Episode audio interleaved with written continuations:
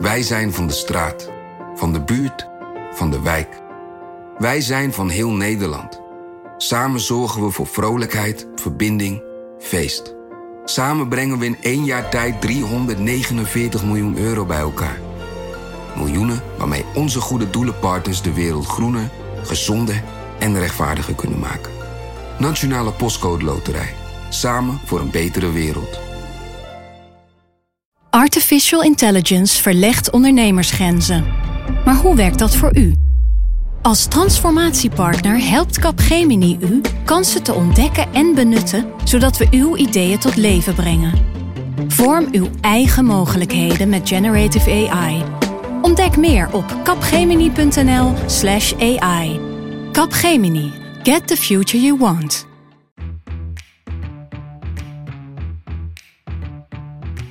Live vanaf de nacht van NRC in Rotterdam is dit Haagse Zaken. Mijn naam is Lemja Harouai. Voor de mensen die hier niet bij zijn, de Nacht van NRC is een avond waarop lezers kennis kunnen maken met de mensen achter hun favoriete krant. En voor de mensen die hier wel zijn, welkom!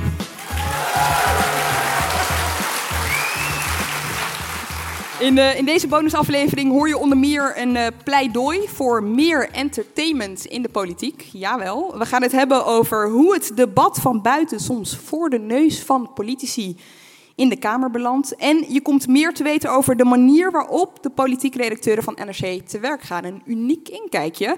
Bij mij, Marieke Stellinga, politiek uh, verslaggever, columnist. En jij hebt iets wat weinig mensen hebben, een enorme fascinatie voor cijfertjes. Ja, ja, ik vind het heerlijk. Geeft een beetje houvast in het leven. Nou, daar gaan we het straks nog eventjes verder over hebben.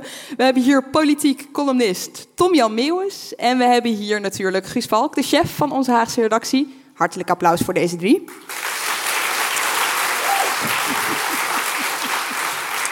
En Guus, um, we beginnen bij jou. Uh, want uh, jij bent eigenlijk tien jaar weg geweest. Jij werkte in de jaren 2000 op het Binnenhof als politiek journalist. Bent toen naar, de, naar Israël geweest als correspondent, naar de VS. Kwam terug. Sinds vier maanden ben je hier weer. En wat viel jou nou op? Nou, een heleboel dingen uh, vielen mij op. Maar het eerste wat mij uh, opviel, dat was ook op mijn eerste dag, denk ik. Um, dat was de dinsdagmiddag. En de dinsdagmiddag in Den Haag, moet ik heel even uitleggen, is een belangrijke middag. Dat is de dag dat de hele Tweede Kamer bijeen is. Dat, uh, uh, dat het zogeheten vragenuurtje is. Dat alle journalisten er zijn. Dat alle politici er zijn. En um, ik, ik had wel wat meegemaakt, maar ik ben inderdaad meer dan tien jaar weg geweest. En ik dacht, wat een circus. En waar lag dat aan? Was er één specifiek moment waardoor je dacht: oh, dit was hier tien jaar geleden? Niet? Nou, het, het, het grote verschil was: um, er, je hebt uh, rondom, de, uh, rondom het, de, de, grote zaal, de plenaire zaal van de Tweede Kamer, heb je een, een, een gebied waar Kamerleden, uh, woordvoerders, medewerkers en journalisten elkaar ontmoeten. Um, dat heet de zogeheten patatbalie. Um, ik was gewend om daar te staan en daar rond te hangen. En dan kan je mensen aanspreken. En politici vonden dat ook altijd fijn om daar aangesproken te worden. Um, ik zag eigenlijk helemaal geen politici meer. Uh, die waren helemaal verdwenen. Um, het aantal journalisten was enorm gestegen. Maar dat lag niet zozeer aan dat, dat NRC of Volkskrant of Telegraaf met meer mensen waren. Maar uh, veel meer dat er andersoortige mensen rondliepen. Um, uh, je ziet Tom Staal van Geen Stel. Je ziet, zoals vorige week, Dries Roelvink. Deze foto maakte ik uh, twee weken geleden. uh, die, uh, de, premier vroeg naar zijn favoriete hits. Um, overigens op het moment dat de premier in de Kamer was om Wim Kok te herdenken. het is een, hele, een, een, heel merkwaardig schouwspel is het. En het gevoel dat mij heel erg bekropen was... is de journalistiek zichzelf niet heel erg belangrijk gaan vinden. Dat gevoel heb ik heel erg. Wij zijn steeds meer een soort speler geworden in heel veel opzichten. Of we dat nou willen of niet. En dit soort, uh, dit, dit, dit spektakel wat ik zag, dit, deze totale, dit totale circus, leek bijna op alsof, uh, alsof het een soort van self-important, zal ik maar zeggen, van journalisten uh, symboliseert. Ja, ja, die politici die lopen er af en toe nog wel rond, Tom Jan. Kom je daar wel eens tegen? Nou ja, ik, ik, wat daar gebeurt op dinsdagmiddag, dat is het poseren van politiek. Dus die mensen die komen, de politici die daar komen, die, die, die, die spreken ingestudeerde zinnen uit en, die, en die, die worden niet verrast. Althans, dat is hun oogmerk. En de, de journalisten, respectievelijk de nieuwe journalisten die hier komen, Uh, die proberen dat te ontregelen en de meeste uh, uh, slagen daar ook niet meer in. Hè? Dus dat is het bekende cliché van Rutger Castricum. Dat is ook uitgewerkt. Dus ja, weet je, ik vind het altijd wel leuk om even te gaan kijken, gewoon voor het gevoel. Maar het is, het is nooit zo dat ik daar terugkom en denk, nu heb ik een geweldig verhaal gehoord. Hm. Marieke, hoe zit het bij jou? Ja, ik uh, ga, hang daar ook rond. Uh, de ene keer om een beetje te kijken, de andere keer om eens wat uh, te praten met mensen. ja, om inderdaad even te voelen. En bijvoorbeeld deze week, toen Klaas Dijkhoff zei: we moeten een kerncentrale bouwen. Dan gaan die mensen die daarmee te maken hebben, de Kamerleden of degene die daarover gaan, die, die hangen daar dan rond. Dus je kan ze heel snel even interviewen en vragen: waarom zei je dat nou? Wat vind jij ervan? Ben je ook voor een kerncentrale? Op zo'n moment is het best efficiënt. Ja, over, los, over loslopende uh, Kamerleden. En zoals dat dan gaat bij live opnames, viel op dat moment het geluid heel even weg. En ontbrak er een klein deel. Um, dat maak ik nu goed. Uh, want ik uh, wil even vertellen wat ik eigenlijk aan het vertellen was daar. Ik hield een pleidooi voor, op sommige momenten in ieder geval, meer entertainment in de politiek. En ik geef als uh, bewijsstuk daarvoor Sacha Baron Cohen, een Amerikaanse komiek, die een serie heeft gemaakt die heet This is America. En in die serie laat hij politici en lobbyisten teksten inspreken om vuurwapenbezit voor kleine kinderen aan te moedigen. Sacha Baron Cohen. Today, we're going to teach you how you can stop these naughty men and have them take a long nap. That's right, and that's why you're going to meet a friend of mine. His name is Papi Pistol.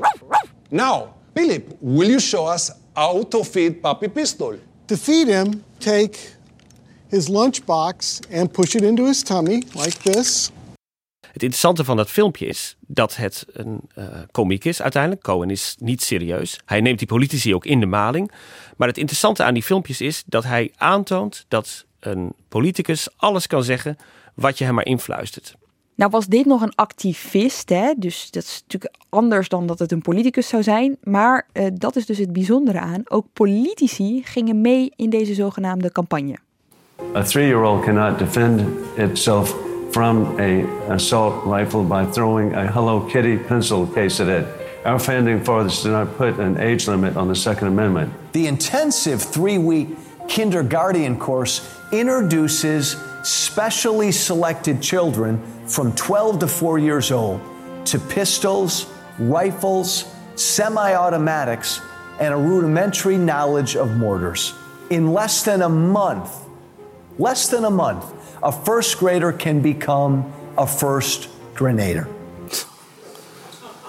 Dat kan een dat kan een satiricus dus blootleggen, dat kan een onderzoeksjournalist nooit. En het viel me in Nederland op, uh, natuurlijk de afgelopen jaar is Arjen Lubach uh, groot geworden. Is dat een journalist? Ik denk het niet. Ik denk dat hij op het, ja goed, ergens tussen zeg maar Dries Roelvink en um, uh, Tom Jan Meeuwis in zit.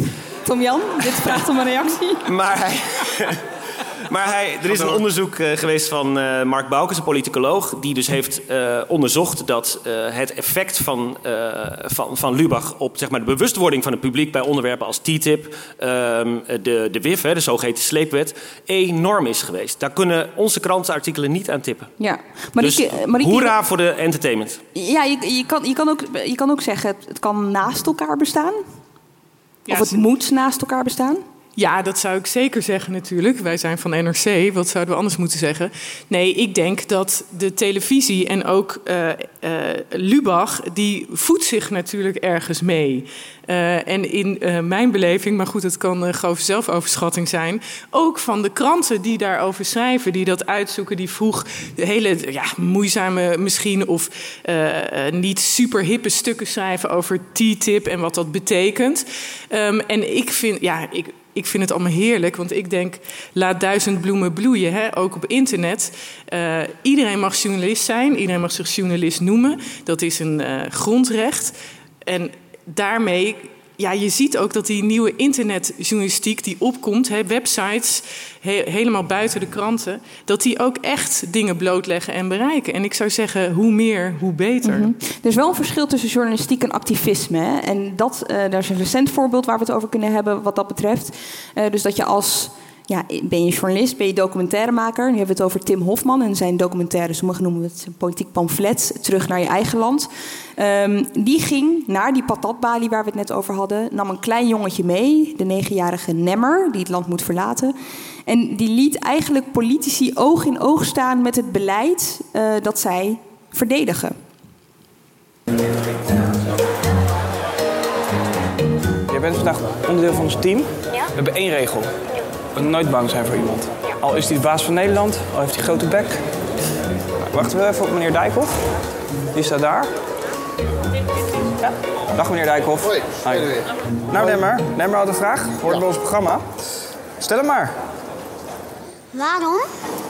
Uh, wat gaat er gebeuren met de 400 andere kinderen? Ja. Die 400 andere kinderen? Ja. Uh, nou ja, die moeten, uh, mogen eigenlijk niet in Nederland blijven. Waarom niet? Omdat ze daar uh, geen, geen vluchtelingen zijn en geen recht op hebben. Nee. Waar ben jij geboren? Nederland. Nederland. Hoe lang geleden? negen jaar. Dan is natuurlijk de vraag waarom zou hij nou naar Irak moeten? Ja omdat het in Irak niet uh, zo onveilig is uh, dat je daar niet zou kunnen leven. En ik snap dat het heel vervelend is, omdat je natuurlijk hier vriendjes hebt en op school hebt gezeten. Kunt u me helpen? Nou, ik kan, ik kan het niet beslissen. Dus dat is lastig. PvdA is een voorstander van kortere procedures en een ruimere uitlegging van het, uh, van het Ja, ja en, maar de, en dat begrijp ik. Dus de oplossing zou zitten in korte procedures. Het echt niet zo netjes. Nee, het is ook niet netjes. Maar de situatie is ook niet netjes. Dat ben ik met je eens. Nee. Maar... En ik hou ook niet van netjes. En daar kom ik ook niet voor. Ik kom ervoor dat hier een jongen van Nederland staat die naar Irak gedonderd wordt. Dat is niet netjes. Daar ben ik ook met je eens. Maar dat vind ik dus we gaan die discussie niet voeren. Leg maar uit aan hem dan. Wat we kunnen doen als de PvdA zegt... luister, wij zitten in de oppositie, we kunnen even niks doen. We kunnen even niks doen. We zijn inderdaad in de oppositie, dus we kunnen niet beslissen. Nee. We kunnen alleen ons werk goed doen in, in de Kamer. Oké, nou dan is dat het. Tom Jan, waar kijken we hier eigenlijk naar? Uh, waar we hier naar, volgens mij naar kijken is uh, iemand die, die politici betrapt op het feit dat ze het beleid zoals ze het voeren uh, zelf niet geloven. Dus ze, ze gaan rare dingen doen. Ehm, ik vond Dijkhoff nog relatief geloofwaardig, maar die voelt zich ook ongemakkelijk. En Ascher gaat heel karakteristiek de journalist, aanvallen. En dat zijn allemaal uh, uitingen van hetzelfde. Ik, ik, moet er wel één ding aan toevoegen. Kijk, deze man, ik vond zijn film heel goed. Maar deze man, die heeft uitdrukkelijk het doel om die 400 kinderen, om dat kinderpardon voor deze 400 kinderen te doen gelden.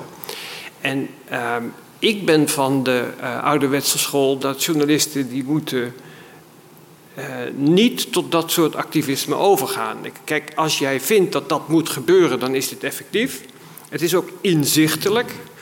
Maar je kunt entertainment uh, geweldig op een, op een voetstuk plaatsen van. Maar daar zit natuurlijk een enorm gevaar aan, want dan gaan we suggereren dat we de wereld kunnen veranderen. En als we iets niet moeten willen, is dat. Ja, dat denk ik ook. Het interessante is, we zagen net uh, in achter in beeld Rutger Kastrikum een aantal keer lopen. Die natuurlijk altijd de schrik van het Binnenhof was. En in feite ook een activist was. En misschien wel een van de eerste, denk ik, op het Binnenhof. Hij begon uh, zo in de tijd dat ik eerder politieke redacteur was, 2005, 2006. Um, de man die met name PvdA-politici natuurlijk nachtmerries bezorgde. Um, inmiddels uh, een, ja, uh, afgedaald is naar een soort YouTube-kanaaltje waar hij uh, waar die, nog altijd actief is, maar in feite totaal onschadelijk is gemaakt. Um, dat doet mij ook wel eens realiseren van dat activisme, want dat was het denk ik ook, het was entertainment en activisme tegelijk, um, heeft ook een beperkte houdbaarheidsdatum, denk ik. Ja, maar los van het activisme zien we hier eigenlijk ook iets heel overzichtelijks gebeuren, namelijk het product van beleid oog in oog met degene die erover gaan. En dat is, weet je, dus los van het, van de, van het doel dat je ermee hebt, uh, zie je wel dat het een duidelijk een soort van ongemak met zich meebrengt. Gebeurt dit te weinig, Marieke? Ja, ja, ik denk, het, het is heel lastig. Je merkt in Den Haag, hè, ik heb met uh, Petra de Koning een keer een stuk geschreven over de gewone man. Dat is het meest gebruikte woord ongeveer in Den Haag. Uh, en ze hebben allemaal, dat blijkt ook heel veel moeite om echt vaak in contact te staan met de gewone man. Ehm, dat, ze willen daar heel graag veel meer voeling mee hebben. Maar het is natuurlijk toch een, ja, een, een bubbel waar ze ook deels in zitten en in werken. Heel begrijpelijk, dat kan je ze ook niet verwijten. Dus worden ze vaak genoeg geconfronteerd met het gevolg van hun eigen beleid? Ja, dat kan je afvragen. Ze gaan wel veel het land in, maar ja, dat is misschien ook niet helemaal de manier om daar. Uh, het is geregisseerd op dat soort momenten. Misschien is dat het wel. Dus hè, eh, vaak in debatten uh, hoor je ook dat iemand een uh, timmerman kent of iemand kent net toevallig een gezin dat ze uit elkaar is gevallen en een moeder met twee kinderen die half werkt en half niet. Weet je wel, het is altijd perfect het perfecte voorbeeld. En dit is het ongeregisseerde debat dat ineens voor je staat. Ja, het heeft ook wel iets anders te maken. Dat, heeft gewoon, weet je, dat, is, dat, dat hangt in dit concrete geval heel erg samen met het, het vluchtelingenbeleid. En het feit dat. Dat zit globaal zo in elkaar. Alle politici in Den Haag kennen de peilingen en de onderzoeken. En uit die onderzoeken blijkt dat ongeveer 60% van de Nederlanders niet wil dat Nederland meer immigranten opneemt. Um, um, ze hebben geleerd dat ze zich daarna moeten voegen. Dat wil niet zeggen dat ze het er allemaal mee eens zijn. Die, die Tim Hofman die liet zien dat ze zich zeer ongemakkelijk voelen hiermee. En wat is nou de formule die hij doorprikt in die, in die vluchtelingenpolitiek? Zeggen alle politici, als er door journalisten zoals wij naar worden gevraagd, wij spreken niet over individuele gevallen. Dat doen we niet. Overigens is dat een algemeen uh, uitgangspunt. Je politici spreken ook niet over individuele strafzaken, als het goed is. Over individuele belastingplichtigen. Uh, nou, er, zijn, er zijn wat uitzonderingen op. Er zijn, nou ja, Volkert van der Graaf. Daar heb je het al. Daar heb je het al. Dus kijk, het is een formule. Het is een beschermingsformule. Een, een beschermingsmuurtje dat ze voor zichzelf hebben opgetrokken. En deze man die, die, laat, die kijkt over dat muurtje. Ja, en dat brengt dus nodig. Maar zouden, zouden krantenjournalisten dit kunnen doen? Guus, zou jij je voor kunnen stellen dat jij uh, ons uh, op deze manier aan het werk laat? Uh, nee, nee, nee, nee, nee, absoluut niet. Dat ongemakkelijke, dat blijf natuurlijk hebben. Je blijft. Tim Hofman is natuurlijk uiteindelijk een, een man die iets wil en die een microfoon en een camera gebruikt om dat doel te bereiken. Um, dat is natuurlijk iets volstrekt anders dan wat wij doen. Um, ik heb op een bepaalde manier ook waardering voor. Ik zie ook dat het, uh, dat het werkt. Het, het, het, maakt iets los in Nederland. Er komen handtekeningen. Er komt, uh, ja, er komt een hernieuwde discussie, ja. inderdaad. Maar het staat natuurlijk mijlen ver af van ja, waar wij staan of waar wij horen te staan. Um, tegelijkertijd is het natuurlijk ook wel weer interessant om te zien uh, hoe zo'n politicus wordt, uh, wordt bejegend. Want als je bedenkt waar zeg maar, parlementaire verslaggeving vandaan komt. Um, van, van een volstrekt docile uh, manier van, uh, van politici bejegenen naar een soort verzuilde uh, situatie waarbij zeg maar, ja, de politicus van je eigen zeil maar zei wat jij, wat jij te vertellen had. Vind ik dit al wel weer een aardige ontwikkeling. Ja, nou, want, en, nou ja, ik dacht er nog één ding bij. Wat wij natuurlijk wel doen in, als krantenjournalisten is laten zien wat de gevolgen zijn van de besluiten die politici nemen. Wat de gevolgen zijn van het beleid. En daarbij zie je dat, nou ja, er is al heel vaak voor gewaarschuwd. in Den Haag worden ongelooflijk veel afspraken gemaakt, wetten, maatregelen, regels. En iemand als Cenk Willink, die zei ook bij de vorige formatie, zoek nou eens uit hoe het uitpakt aan die onderkant bij de mensen waar al dat beleid terechtkomt. En probeer dat ook in de gaten te houden. En ik kan me daar wel wat bij voorstellen, want er is heel veel beleid bijvoorbeeld voor mensen die het niet zo goed hebben. Maar heel vaak vinden die mensen zelf dat ontzettend moeilijk om dat beleid te vinden. Die subsidie voor schoolboeken ja. of uh, nou ja, heel simpel. Dus er zijn nu ook bij de gemeente dan weer mensen aan het werk om mensen te helpen om het beleid te vinden. Dus in die zin schrijven wij als kranten natuurlijk wel heel erg over wat zijn de gevolgen voor de arbeidsmarkt, voor uh, de economie. Nou ja, op allerlei terreinen kan je dat bedenken. Ja, het concreet maken van beleid eigenlijk. Ja, het effect laten zien van de besluiten van de politiek.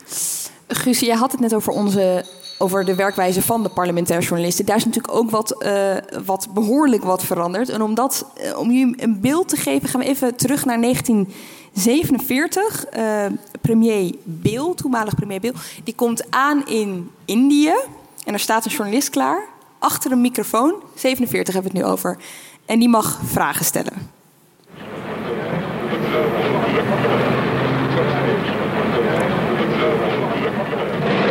Enkele vragen mag stellen. Heeft u een goede reis gehad? We hebben een zeer voorspoedige reis gehad. En we zijn zeer verheugd dat wij het ogenblik de staat van vandaag jaar hebben bereikt. dank u. En dan, als ik u vragen mag, strekken uw plannen en die van de heer Jonkman zich ook buiten Batavia uit? Ja, we overwegen om ook een bezoek te brengen aan uh, en aan Pontianak. Ik dank u zeer. Let op de knikjes. Hij leest de vragen op, terwijl de vragen basically zijn... Uh, goede reis gehad en waar gaan we nog meer heen? Um, Deze meneer, overigens, is later directeur van de RVD geworden. Van de Rijksvoorlichtingsdienst. Oh, nou, het heeft hem wat Heb ik even dus. nagezocht, ja. Maar wat me ook heel erg opvalt is de af, dus echt de fysieke afstand tussen die tweeën. Want nu op die, in die patatbalie zie je af en toe bijna mensen zo hè, op schoot bij een, bij een politicus om maar wat te vragen. Alles is tegenwoordig anders. Ik bedoel, Tom-Jan, voer jij je gesprekken zo op deze manier? Ik, op deze manier? Ja, nee. nee ja, ik, ik, ik zou het over, op zich als oefening best interessant vinden. Maar, maar De andere nee, ja, kant ook, denk kijk, ik. weet je, het is um, wat politici doen in het contact met journalisten. Als, als, hè, als, het niet, als we niet op die patatbalie zijn, dus dan gaan we even weg en je zit op hun kamer of zo. Dan proberen ze het zo informeel mogelijk te maken. Dus dat is, dat is eigenlijk de huisstijl van van Den Haag. Niet iedereen is zo. Dus Buma is vormelijker dan uh, Klaver. Maar het is, wel, het is heel snel en gemakkelijk informeel. Um, maar dat is natuurlijk ook een, een, manier voor deze mensen om het contact met journalisten zo soepel mogelijk te laten zijn. Dus ja, weet je, ik, ik, ik zelf vind, je moet het gewoon eigenlijk allemaal zien als een puur zakelijk, een zakelijke transactie. Zij weten, jij komt voor informatie. En jij uh, moet ervoor zorgen, uh, je moet heldere afspraken met hem maken en ervoor zorgen dat je met iets naar huis gaat. Ja, klinkt heel overzichtelijk. Is het in de praktijk niet altijd even? Hè? Dus er zijn politici die heel erg met mail in hun mond praten. Overigens niet alleen politie, het geldt voor ambtenaren. Het geldt eigenlijk voor iedereen die op en om het Binnenhof werkt. Ik wil het nu hebben over jullie eigen werkwijze. En Tom-Jan, ik begin bij jou, want jouw um, werkwijze is eigenlijk redelijk ongewoon voor journalisten. Uh, jij werkt vaak, eigenlijk altijd, op basis van anonimiteit. Ja. Vertel. Nou, ik ben hier, ik ben in, uh, ik, ik, ben in de jaren tachtig zelf uh, politiek journalist geweest. Toen ben ik allemaal andere dingen gaan doen. Toen begon ik in, kwam ik in 2012 terug. En toen merkte ik dat interviews maken met politici, dat vond ik persoonlijk hopeloos. Ik heb in een van, een van mijn eerste maanden als politiek redacteur... ben ik een keer met Erik van der Wallen, collega, naar Pechtold gegaan. Toen hebben we daar anderhalf uur zitten praten. En uh, toen uh, zei, kwamen we eruit en toen zei ik... ja, maar ik weet helemaal niet wat we moeten schrijven. Want dat, alles wat hij heeft gezegd, dat heeft hij al tachtig keer op het journaal gezegd. Dus, en het en wat je dan ziet is wat, de laatste tijd rond de Rob bijvoorbeeld heel erg in het nieuws is gekomen. Maar wat een verschijnsel is dat al heel lang bestaat. Is, het zijn allemaal geoefende teksten. Dus ik heb een paar jaar geleden, toen ik een jaar of drie politiek redacteur was, moest ik een keer een toespraak houden. Uh, over iets, en toen, over de verhouding politiek uh, pers uh, journalistiek. En toen heb ik gezegd, eigenlijk moeten we ophouden met het interviewen van politici. Dat, dat vind ik zelf de meest zuivere vorm. Want Kijk, zij suggereren openheid, zij brengen geoefendheid. Dus de, de, het informatieve gehalte van interviews in ook kranten vind ik persoonlijk als geïnteresseerde in politiek buitengewoon laag. Hier zit wel een paradox aan, want we hebben ook kijkcijfers intern. En als politiek redacteur van NRC een politicus gaan interviewen, kijkcijfers hoog. Dus het ligt ook aan u, beste mensen. Uh-oh. um, maar, ik, maar ik, heb, ik heb er persoonlijk voor... Ik vind die, het informatieve gehalte van die interviews vind ik gewoon te laag. Dus ik heb ervoor gekozen om het helemaal om te draaien... en tegen iedereen te zeggen... luister, ik wil gewoon weten hoe het zit. Wat jullie op het journaal zeggen of in een interview... dat vind ik goed. Maar, nu, maar dat doe ik allemaal niet. Ik praat puur op achtergrond. Ik ga hier weg en ik heb het gesprek niet gevoerd. Ik beloof je dat ik alles check... en vervolgens ga ik bij zoveel mogelijk bronnen langs. Ja, en voor mij werkt het. Ja, en het levert ook gewoon goede stukken op. Nou, je komt, ik, het is, weet je, dat, er is nog één ander ding, dat zit een beetje in de cultuur. Dat is ook de invloed van de televisie. Wij zijn steeds belangrijker gaan vinden wat mensen, ook politici, zeggen. En wij vinden steeds minder belangrijk hoe het zit. En in mijn ogen is goede journalistiek gaat zelden over wat iemand gezegd heeft. Ik vind ook die debatten tussen politici en journalisten die, die, die, die, die dan tegen elkaar zeggen: Je hebt het wel gezegd, je hebt het niet gezegd, volkomen oninteressant. Wat heb je eraan? Dus je moet uitzoeken hoe het zit. Ja, Er zit iemand naast jou die dat uh, regelmatig uh, doet. Daar gaan we het straks uh, uitgebreid over hebben. Tom, ik wil eerst nog één ding vragen. Als je werkt op basis van anonimiteit, dan maakt het je ergens ook natuurlijk wel heel erg kwetsbaar.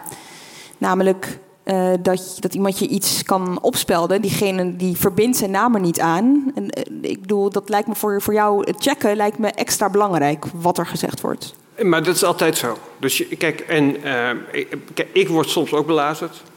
En dat, dat is mij overkomen met mensen die mij dingen anoniem gaven. En dat overkomt je letterlijk voortdurend met mensen die je in het openbaar interviews afgeven. Ik heb echt heel vaak, sinds ik zo werk, dat ik uh, s'avonds thuis kom, het journaal kijk en een politicus zie die ik die dag ook heb gesproken. En dan zegt hij diametraal tegenovergesteld tegenover het journaal. En dat, weet je, dat is de standaard, want zij hebben die geoefende teksten. En zij hebben een werkelijkheid die er heel vaak niets of nagenoeg niets mee te maken heeft. Maar dat zijn dus echt, twee, para, dus twee werelden die parallel aan elkaar zijn. Maar dat is dus nog niet, niet zo gek. Nogmaals, we hebben allemaal dat voorbeeld van Rob Jette gezien. Rob Jette die werd op zaterdag geïnterviewd op het congres en zei: We gaan komende dinsdag uh, in de fractie van D66 de nieuwe voorzitter, fractievoorzitter, de opvolger van Pechtold kiezen.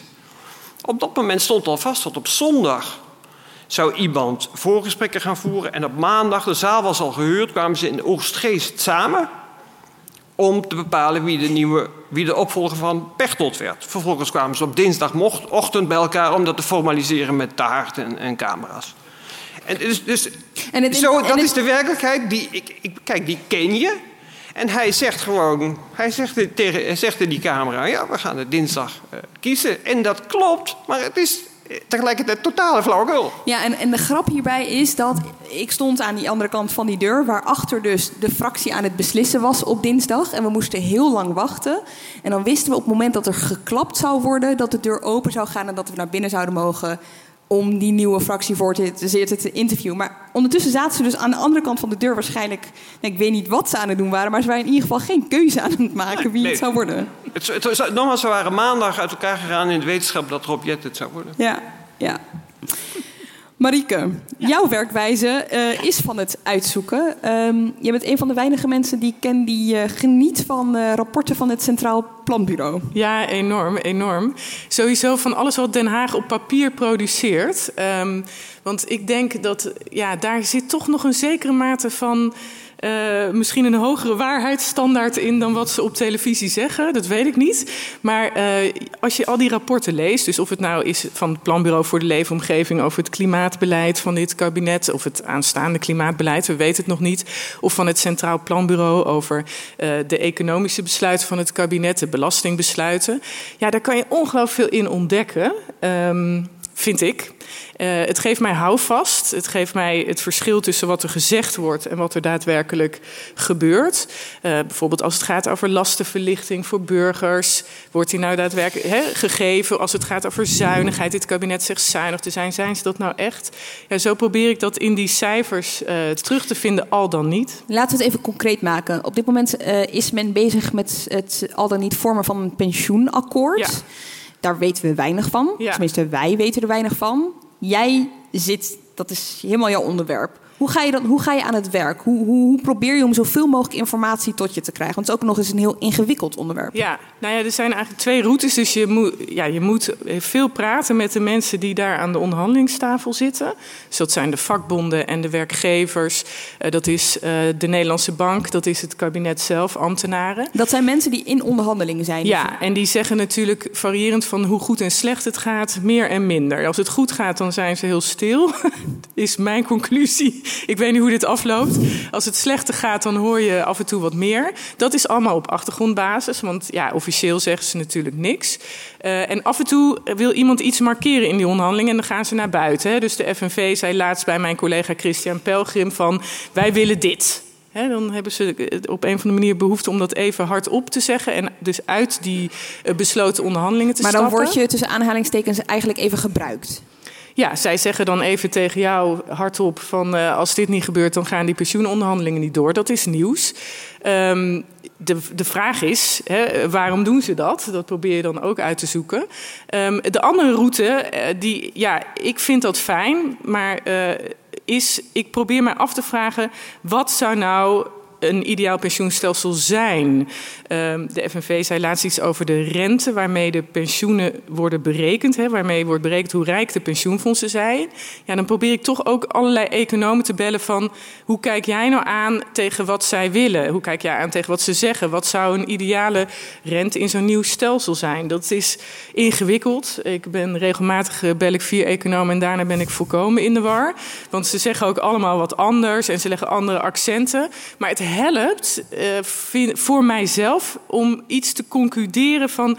Ja, ja, dus als je. Uh, eigenlijk zou je het liefst dit doen. Dat betekent niet dat ik besluit dat dat mijn mening is of zo moet. Maar dan kan je daarmee weer naar iedereen van. Ja, maar dat is toch een beetje gek dat jij dat wil en niet dat. En dan zeggen zij vaak weer hele nuttige dingen. Nee, maar, nee, maar dat heb jij wel daaraan gedacht. Dus dat helpt mij om uh, te weten. Hè, zij hebben natuurlijk allemaal belang om iets tegen jou te zeggen vanuit hun invalshoek. Ja. Maar je moet ook kunnen besluiten.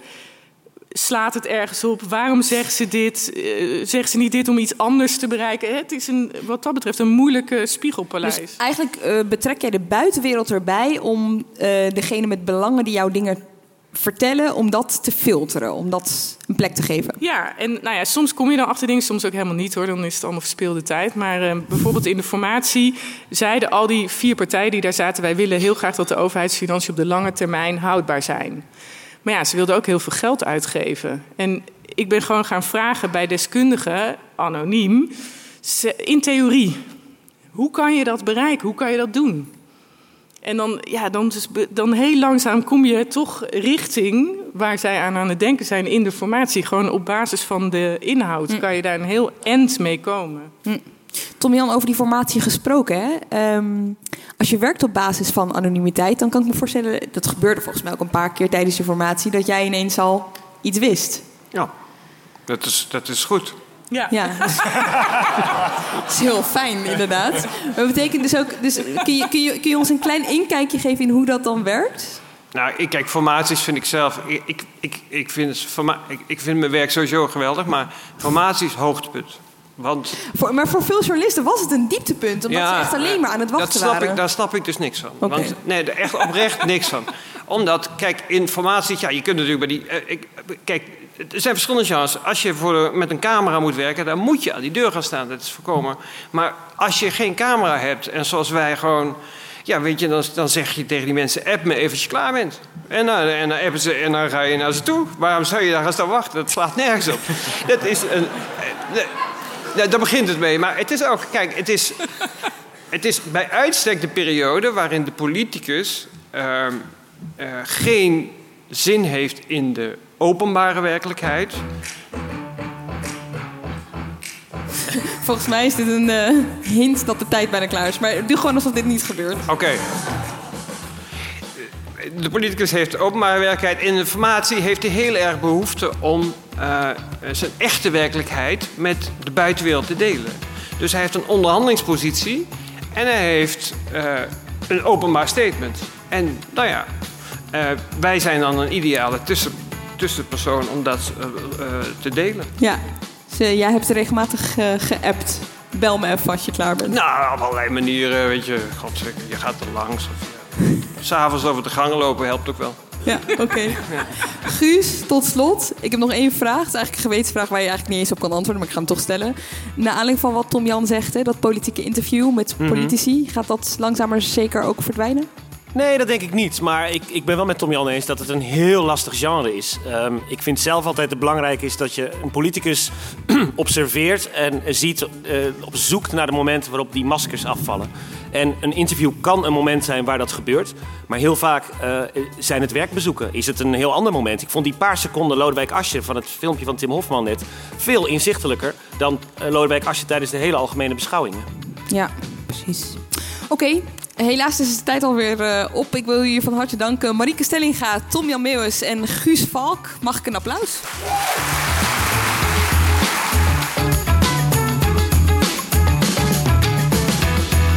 En dank ook.